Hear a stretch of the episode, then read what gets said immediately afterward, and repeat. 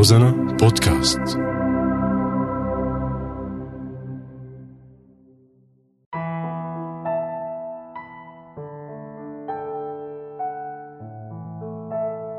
المسرح ثورة. بدي اكتب اسم بلادي على الشمس.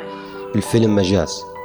الحم المشتاق ولا يقولوا بعمر خاين يا فديك واللون تراكم مشاعر.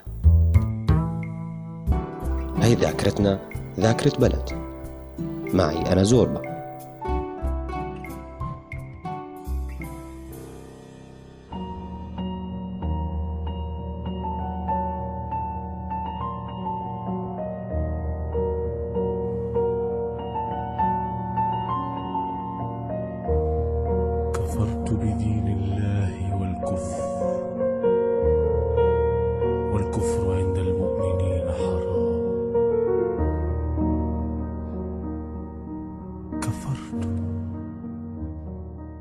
12 11 2008 يوم خبر وفاة الكوريوغراف لوانت حاجو. تذكرت سيرة حياة المخرج المسرحي مايرخوت أحد أهم مبتكري القرن العشرين بمجال المسرح. وبدون مقارنات بس يمكن عنا مقاربة أو خيط منسميه مبدعين متفانين بمجال إبداعهم لكن بنخسرهم ببساطة. لحتى تضل أعمالهم وأسمائهم خالدة. اشتغل مايرخولد مع ستانزلافسكي كممثل بعدة أعمال ضمن المنهج الواقعي. وتحديدا اللي بنتذكره هو نصة شيخوف النورس يلي كان من إخراج ستانزلافسكي وكان عم يلعب مايرخولد دور مخرج مسرحي وبينتهي فيه المطاف للانتحار. هذا الحكي كان سنة 1898 على مسرح الفن الشعبي بموسكو. ومن وقتها كان عم يقدم تجاربه المسرحية بشكل بعيد عن كلاسيكية مسرح ستانزلافسكي واتجه لعرض نظريته بعلم الميكانيكا لتطوير الأداء أداء الممثل والعروض بنفس الوقت ويغادر تماما التقليد المسرحي وكان واضح شغله أكثر على أداء الممثل وجسده بآلية سماها الميكانيكية الحيوية أو البايوميكانيكا. لدرجة أنه مايرخولد قضى سنواته الأخيرة تحت الرقابة الصارمة لأنه اتهموه بأنه أعماله المسرحية حملت الروح المأساوية بشكل سري وغير مباشر. واعتقل طبعا بتهمة قيامه بنشاطات معادية للحكومة وسياساتها وأعدم بموسكو بتاريخ 2 شباط عام 1940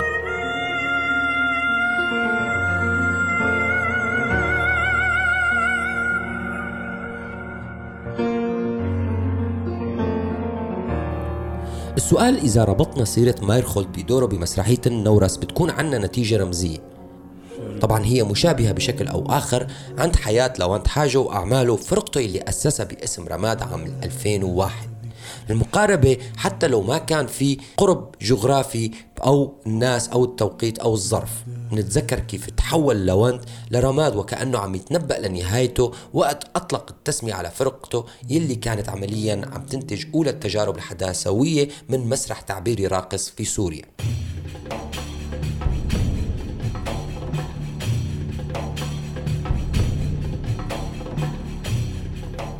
لاوند هاجو من مواليد دمشق عام 1975 وهو بينحدر من أصول كردية فأجداده بينتموا لمنطقة عفرين كردغ شمال غرب سوريا التابعة لمحافظة حلب. بينما لواند الشاب اللي عم يتنقل كتير ما بين فرنسا وبيروت ودمشق بأوائل حياته ليكتسب العلم وبهي الجولات بيعشق وبينتبه إنه ممكن من خلال جسده يقدر يعبر عن حالة أو حالات منها واقعية ومنها مجاز وخيال أو حتى يعمل قيم مضافة ويقدر يقدم أفكار للمجتمع ويطرحها لتخلق نوع من الجدل أو الانتباه بمجتمعاتنا الشرقية المنغلقة على حالها نوعا ما. فانضم لفرقة زنوبيا القومية وبدأ الرقص فيها عام 1990 بصفة راقص. وكانت الفرقة تمزج ما بين الرقص الشعبي والرقص المعاصر على إيد الخبيرة التشيكية آنا تشومبليك وكان معها المصمم السوري معتز ملاطلية فكانت جولات لاواد مع هاي الفرقة دولية وعالمية منها لبنان ومصر وتونس والهند وألمانيا. وبعد فترة التحق بفرقة فهد العبد الله اللبنانية لكن هالمرة كراقص ومدرب عام 1994 شارك معهم بعدة مهرجانات مثل مهرجان بيت الدين ومهرجانات بدول مختلفة مثل ماليزيا وفرنسا والصين واليابان ومصر وتركيا. بهذا الشكل اكتسب خبراته وأسس فرقته الخاصة رماد للمسرح الراقص عام 2001 كان أول عرض بعنوان خلق على مسرح المركز الثقافي الفرنسي وتوالت العروض بكل عام بمناسبة الرقص العالمي يلي بيصادف يوم 29 4 يوم تاريخ ميلاد جان جورج نوفير مبتكر الباليه الحديث واللي صار رسمي الاحتفال بهذا اليوم بشكل عالمي بعام 1982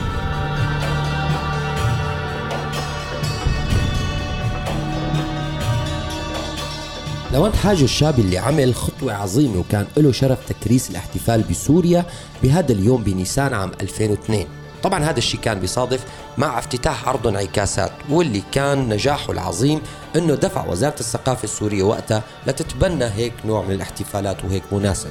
وحكى الكيريوغراف حاجة وقتها عن المفارقات الساخرة اللي مرت معه وقت طالب بتكريس الاحتفال بيوم الرقص العالمي بسوريا. كانت واحدة من أهم المفارقات وقت هزت وزيرة الثقافة وقتها كتفها وقالت هلأ صار للرقص عيد. وطبعا هي مستغربة وكأنه ما لها علاقة لا بالثقافة ولا بهيك مناصب لتقدر تطور الحياة الثقافية بسوريا أو على القليلة تديرها بشكل صح. لكن حاجة كان أعند وقدر أنه يحصل على موافقة وزارة الإعلام على الجائزة ومنحة بعام 2006 للفنان حسام تحسين بيك مؤسس فرقة أمية للرقص الشعبي. ومن بعدها فرقة زنوبيا وكمان أهداها للفنانة هبة بيروتي وهي من أولى الراقصات السوريات بفرقة أمية وبالأخير تم منحها لفرقة إينان أما عن عروضه للمسرح التعبيري الراقص مع رماد كان أولا خلق عام 2001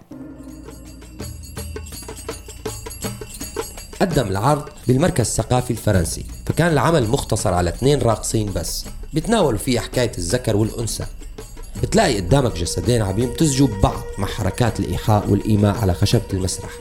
جسد عم يطلع من ضلع الثاني وبيبلش كل جسد بمحاولة لاكتشاف نفسه من خلال النظر لها أو تلمسها أحيانا. وتلمس الجسد الآخر بالمحاولة الثانية مع المرات العديدة على الخشبة وكأنه عم يوحوا باكتشاف موقع الجسد بالعالم ككل. بيبدأ من جديد ليبحثوا بالذكورة والأنوثة. فبالعمل بترتدي الراقصة قميص الذكر وبتنتحل ذكورته تماما. أما الشاب بيلبس توب الأنثى وقت بيرجع كل حدا منهم لجسده بيشتعل بيناتهم صراع المرأة والرجل. بهديك اللحظة بيحاول بعد لحظات كل حدا منهم الاستحواذ على جسد الثاني ففكرة العمل بشكل أساسي تمحورت حول تمايز الأنثى عن الذكر والذكر عن الأنثى. وفق الرواية الدينية المعروفة أنه جسد واحد من ضلع وكيف الأنثى بتطلع من ضلع الذكر. وبنقدر نقول انهم بالضبط آدم وحواء فلوانت كان عم يقدر ياخذنا لقصة الخلق بشكل مجسد بصريا وبشكل مسرحي إبداعي كتير جديد.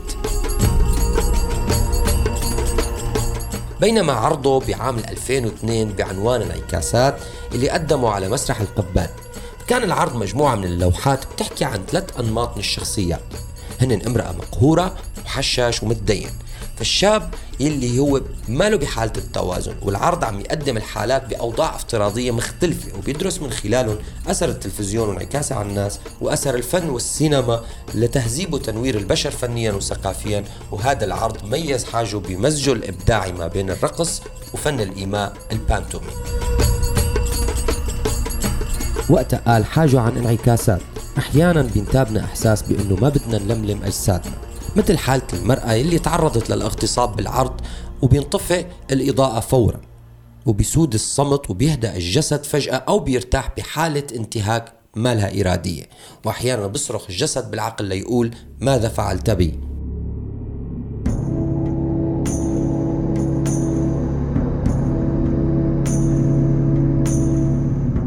وبعد عرض انعكاسات بسنة كانت رحلة جسد وأتقدم كل جسد حكايته وسيرته بشكل فرداني ليصل للحظة الولادة. كانت واضحة تفسيرات العري والأجساد المبهمة الهوية يلي بتغيم فيها الحدود بين الذكورة والأنوثة. ذكر حاجة وقته وقال عن رحلة جسد. لمجرد طرح فكرة مسرح راقص يعتبر تمرد أو خروج عن المألوف مو بس الاجتماعي وإنما الفني السائد. ففي رحلة جسد بنشوف أنه لكل جسد تاريخ ولكل مرحلة من مراحل حياة الجسد خصوصية. وكأنه عم يورجينا أنه لكل جسد في خط درامي خاص فيه. وكان وقتها تجسيد الفكرة من خلال نماذج إنسانية مختلفة عن بعضها مثل السكير والمرأة الكلاسيكية والفنان التشكيلي واللي تعرضت للاغتصاب وحالات تانية بتختلف عن الباقي. وكان من أهم مقولات حاجة عن عمله رحلة جسد قال إن لكل جسد للأسف حياة معدة وجاهزة مسبقا يتهمش فيها الخيار الشخصي الحر.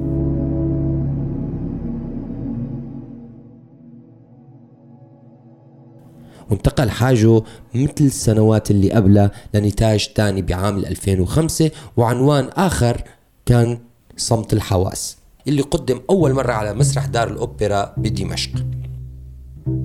وهالمرة كانت حالة خاصة وبرعاية معهد الصم والبكم وجمعية رعاية المكفوفين ومعهد الشلل الدماغي وقدر يتناول موضوع الجسد والإعاقة بنفس الوقت وكان الراقص عم يسرد الإعاقة بالرقص.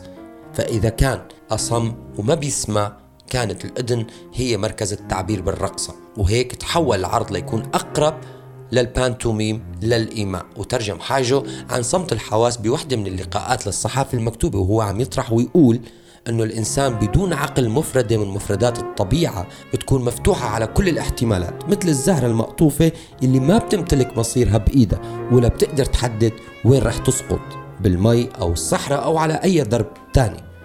وهيك بالعادة عضوياتنا وفيزيائنا الغير معنية بمصيرها. فلو أنت كان حابب يوصل صمت الحواس ليقدر يقول أنا بكل جسدي المعافى يمكن أني أشوف نفسي بداخلك أيها المعوق. كان عم يقول أكثر للمعوقين وأصحاب الاحتياجات الخاصة أنه لا تيأسوا بإعاقاتكم الجسدية بالحياة في إعاقة تانية أكثر قسوة هي الإعاقة النفسية. وقال كمان عن العرض إنه نحن يمكن نكون معاقين من دون ما نعرف مثل الزلح السارحة اللي ما ممكن لأي حدا إنه يخمن لوين رايحة أو شو بدها. وهي بكل حالاتها وصبرها مستمرة بدون وجهة محددة.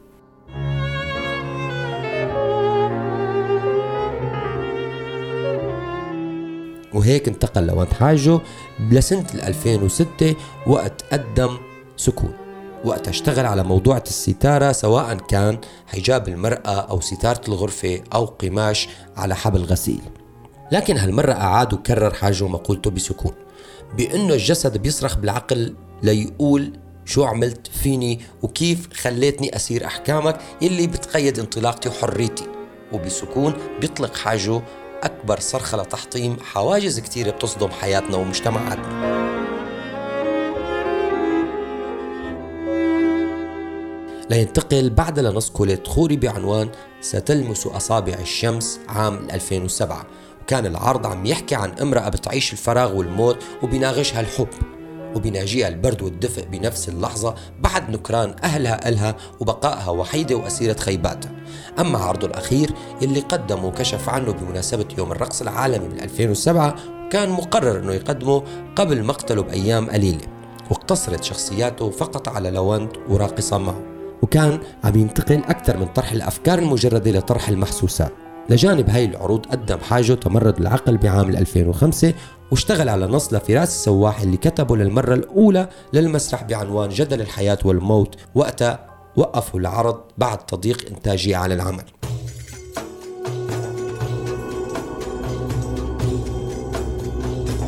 وكان وحدة من العروض اللي قدمها بعنوان رسالة. قدم هذا العرض بدمشق وحلب وهولندا بوحدة من أهم المهرجانات كان مهرجان رقص على الحافة عام 2007 وطبعا شارك بفرقته مع المخرج والكاتب القطري حمد الرميحي بعمل مسرحي بعنوان طبل وطارة بمناسبة افتتاح الأولمبياد بقطر. وعمل آخر بعنوان أبو حيان توحيدي قدم بقطر والجزائر والأردن. وكمان خضع وشارك بعدد من الورشات ورشات العمل مع فرق أجنبية وعربية مثل فرقة دونالد بيرد بأمريكا وفرقة لو جراند جرو وفرق تانية مع مصممين ومسرحيين من العالم. وحصل على عدد كبير من شهادات خبرة وتقدير وميداليات ذهبية للرقص التعبيري. أخيرا حاجة كان يشوف أنه الرقص لغة عالمية ورسول للسلام العالم والتسامح والمساواة والشعور بالحنان. والرقص بيعلم الإحساس وبيدفع بالشعور لنقدر نعيشه كل لحظة بحياتنا. وبكل عرض أو لحظة كان يأكد أنه ما في غنى للجسد عن الثقافة وهن بيكملوا بعض. فالجسد أبلغ تعبير من اللسان أحيانا لأنه بيحكي وبيتحرك بمخزون الذهن وبيقدر يوصل الإحساس بالتعبير عن كيفية الانسجام مع الحركة. كان بيسعى دائما لمعالجة الأفكار العميقة ونقل فلسفة الأشياء من خلال مفردات إبداعية ومن خلال الحركة اللي بتتبعها. فما كانت الحركة عفوية عنده أبدا بل كانت بالضبط مدروسة وإلى دلالاتها الخاصة وقاموسها وعالمها التقني الخاص. وكأنه عم يجزم بأنه روح الرقص ما له لون أو شكل أو حتى حجم لكنه بيعانق الوحدة والقوة والجمال فينا.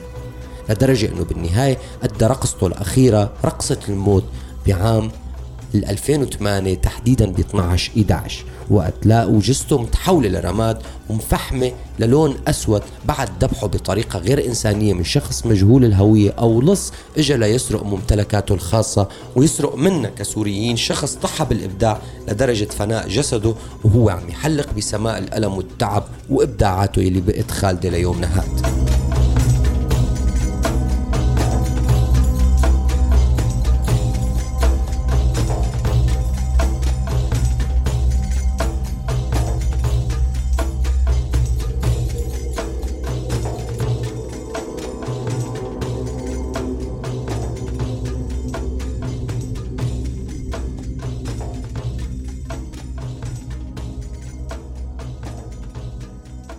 الممثل السوري الشاب علي جيلاني انت لك آه، تجربة آه، جيدة أو تجربة شابة بوحدة من أهم المدن السورية بحلب.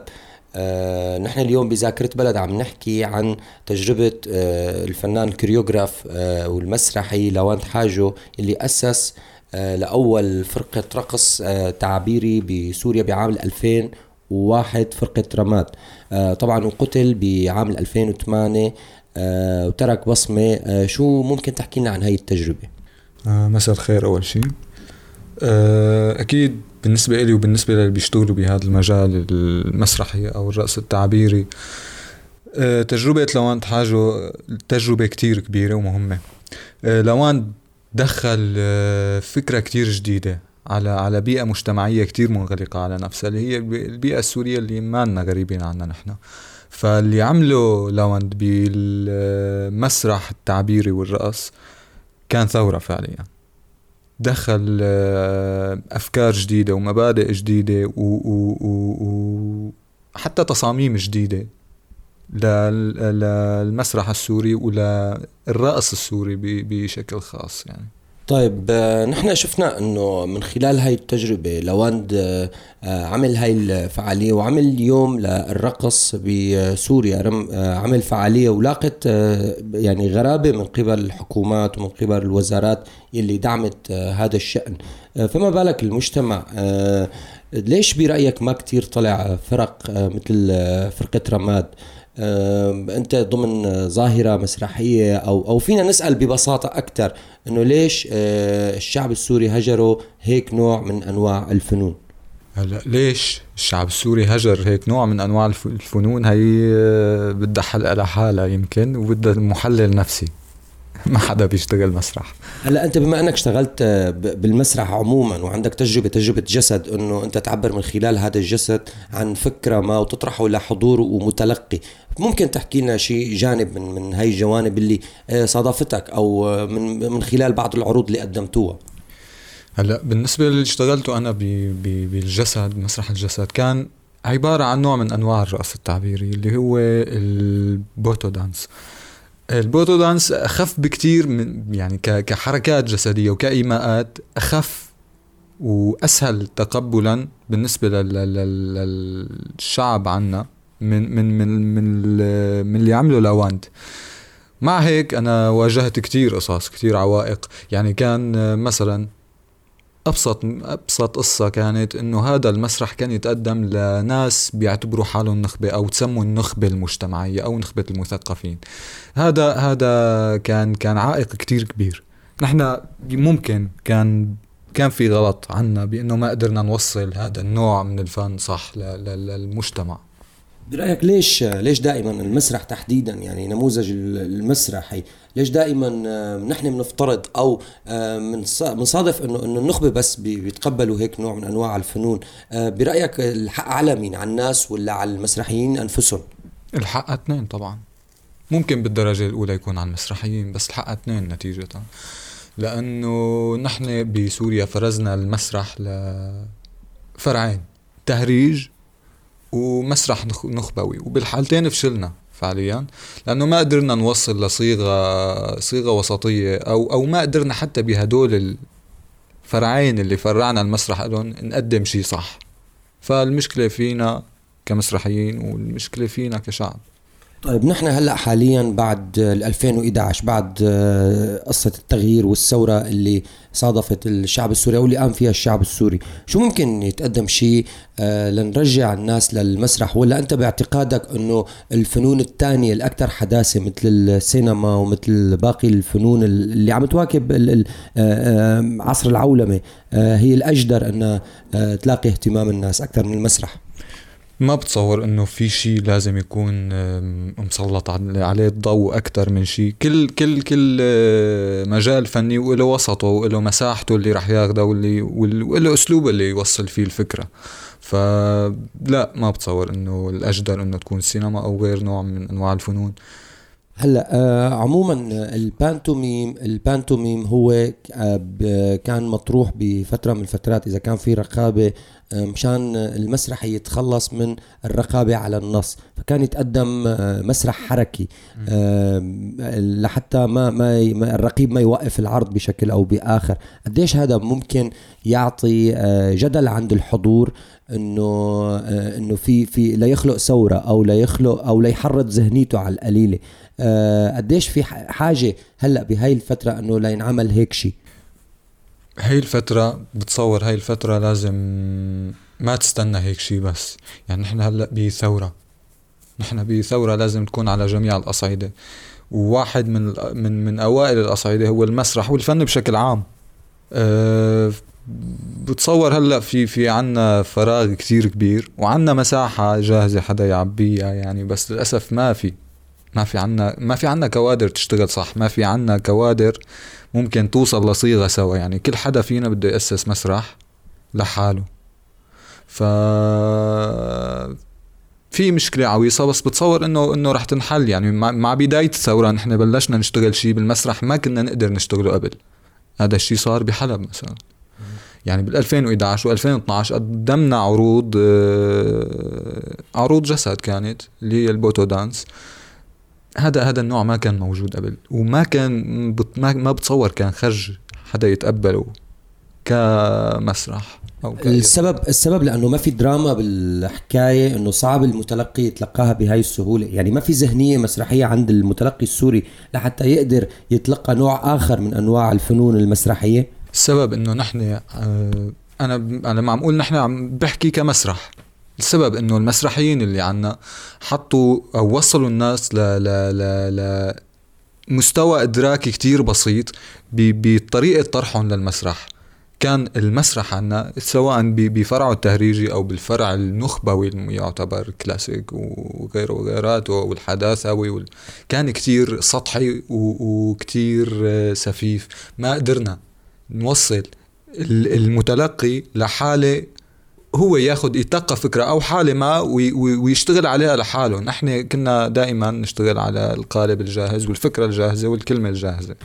طب برأيك ال- الرقيب كان له دور إنه المسرحيين يوقفوا عند حد معين أو, أو أفكار معينة يطرحوها بالبلد سوريا مع مع فترة النظام السوري مثلا؟ طبعا طبعا. النظام كان له دور كتير كبير. أنا التغالي أكثر من عرض. عرض انقطع من نصه. وقلعونا منه. وعرض ان- انرفض لوجود آه، كلمات ما عجبت أشخاص اللي هن هدول الأشخاص ما بعرف مين مين خولهم يكونوا لجنة مسرحية تقيم أو أو أو أو فهي رقابة كلمة رقابة لحالها مشكلة. رقابة على فن أنت بدك تقدمه أو على فكرة بدك توصلها.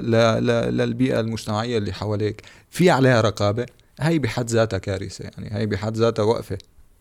طيب برأيك بهاي الفترة بما إنه دخلنا آه، دخلنا حالة جديدة أو أنظمة جديدة ابتعدنا شوي عن النظام السوري. نحن موجودين بمكان ما موجود فيه نظام سوري. آه، لو افترضنا إنه في آه، حراك مسرحي أو في عرض مسرحي على الأقل شو هن الرقابات الجديدة اللي ممكن تصادف هذا العرض؟ نحن أول الرقابات.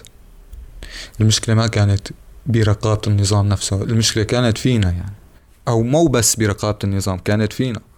يعني هلأ أي حدا فينا أي أي أي شيء رح يقدمه مو مو شرط هذا الحكي يكون صح 100% أكيد في استثناءات رح يطلعوا وفي طفرات رح يوصلوا رح يوصلوا لم- لمحلات بعيدة أنا متأكد يعني ثورة هاي بالأخير.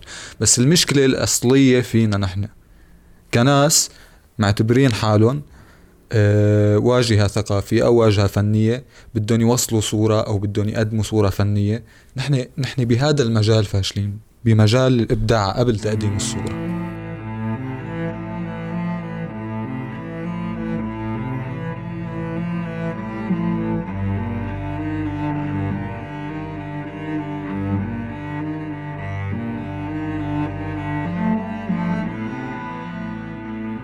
الإبداع بينخلق من القسوة من الاضطهاد الإبداع بينخلق من أشياء أنت عم تعانيها بالحياة على صعيد المبدع كفرد.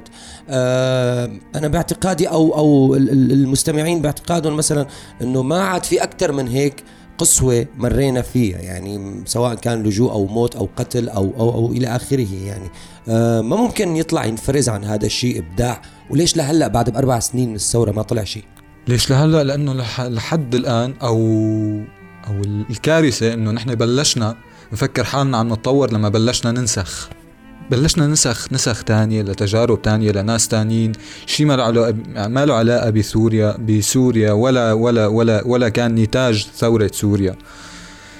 هي هي هي هي أكبر مشكلة برأيي إنه نحن لحد هلأ معتمدين آلية النسخ. لا بعيدا عن فكرة آه، رقابة النظام السوري وبعيدا حتى على فكرة الرقابة اللي أنت طرحتها اللي هي نحن نحن بعدد كبير أو بنسخ كبيرة كأشخاص يعني رقيب الداخلي إذا فينا نسميه آه، بكرة على أي سلطة جديدة آه، من أي نوع من الرقابة بتخاف أكثر؟ من أي نوع من الرقابة رح؟ يعني ممكن تكون رقابة سلطة إسلامية ممكن تكون رقيبة رقيب آه، أديولوجي آخر ممكن يكون أي نوع من من الرقابة الثانية أو حتى ممكن يكون في ما يكون في أي نوع من أنواع الرقابة يصير في آه، انفلات. هلا الانفلات بهيك مجال ما رح يؤدي لكوارث. رح يطلع كثير شغل تافه ممكن شغل ما ما ما ينشال من أرضه ولا ينذكر ولا يأسس شيء ولا يقدم يقدم شيء. بس آه، أكيد آه، رح نوصل لخطوط معينة ولا لأماكن معينة. بتصور نكون قطعنا مراحل وصلنا لشيء إبداعي بيخص سوريا. أما بالنسبة للرقابة فأي رقابة كانت من أي بأي شكل من أشكالها فأكيد رح تكون مشكلة مع أي رقابة بالأخير وإلى إلى مصالحها وإلى توجهاتها وإلى حدودها. هلا آه، مشان ما نبتعد عن موضوع حلقتنا لليوم اللي هو آه، لاوند هاجو وطرح فكرة الرقص التعبيري آه، أو حتى البانتوميم ال choreograph تحديدا يعني. باعتقادك إنه ممكن يكون في تجارب تانية؟ ممكن الشعب السوري يرجع يتقبل هيك نوع من الفنون؟ وما يقول عنه ببساطة إنه واحد طالع عم يرقص مثلا؟ آه لازم. لازم نوصل لهيك مرحلة. وحتى بالوقت الحالي نحن هلأ آه، في شباب عم تتحرك في شباب عم تشتغل شغل حلو صحيح لسه أه ما انسمع صوته ولا وصل بس أه إذا بيضلوا على هذا المستوى أكيد رح يوصل يعني.